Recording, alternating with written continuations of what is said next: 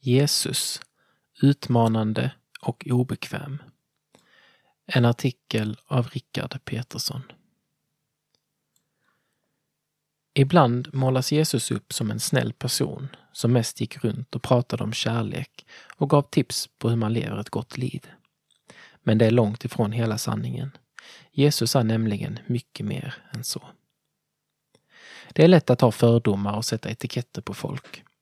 Bilden av en kristen kan ofta vara att man ska vara lugn, snäll och sällan höja rösten.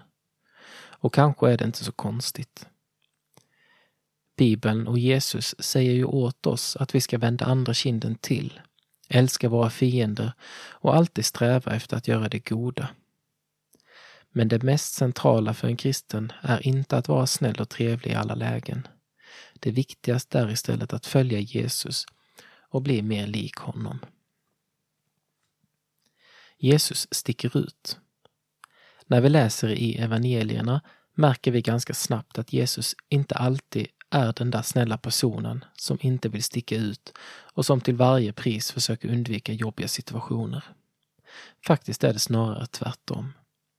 Det är Jesus själv som gör anspråk på att vara Guds son och som går emot de politiska ledarna och säger att de är helt fel ute. I Lukas evangeliet 11.39 går Jesus till angrepp mot de skriftlärda. Ni fariseer rengör utsidan av bägare och fat, men ert inre är fullt av girighet och ondska. Ni dårar, har inte han som gjorde utsidan också gjort insidan? Ge därför ert inre som gåva, så blir allting rent för er. Jesus ser igenom fariseernas försök att visa upp en fin fasad och konfronterar istället ondskan de bär inom sig. 100 procent. Men det slutar inte där. Också till dem som vill följa honom säger han minst sagt besvärliga saker. Till exempel att om någon vill följa mig ska han förneka sig själv och varje dag ta sitt kors och följa mig. Lukas 9.23. Lite senare säger han Låt de döda begrava sina döda. Men gå du och förkunna Guds rike till en man som vill begrava sin far innan han kan följa Jesus. Lukas 9, vers 60. Jesus utmanar dem som vill följa honom att göra det till 100 procent. Denna radikala utmaning gäller inte bara de som levde då, den gäller också oss som vill följa Jesus idag. Att följa Jesus handlar om hela livet, inte bara en liten del av det. Det innebär att sätta sig själv åt sidan och kommer därför alltid att vara mer eller mindre obekvämt. Och ingenting, oavsett hur bra det är, får vara så viktigt att det drar oss bort från Jesus eller hindrar oss från att gå hans väg. Obekvämt Jesus. Jesus är inte rädd för vad folk ska tycka och tänka om honom, utan säger sanningen i alla lägen. Han säger att han har all makt i himmelen och på jorden och att han är den enda vägen till evigt liv. Jesus gör dessutom obekväma påståenden om att vi alla är i totalt behov av honom och hans förlåtelse, annars är vi förlorade i vår synd. Den som tror på Sonen har evigt liv.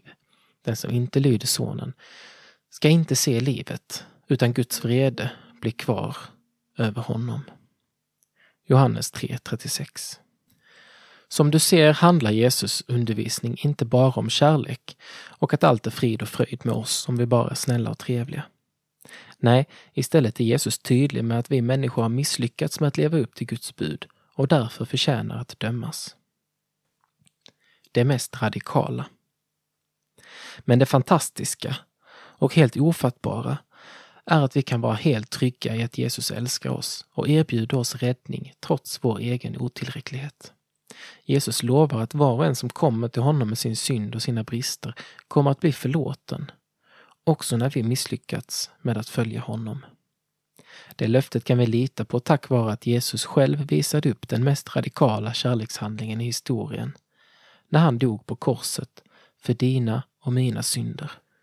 Ty så älskade Gud världen, att han utgav sin enfödde son, för att den som tror på honom inte ska gå förlorad, utan ha evigt liv. Johannes 3, 16.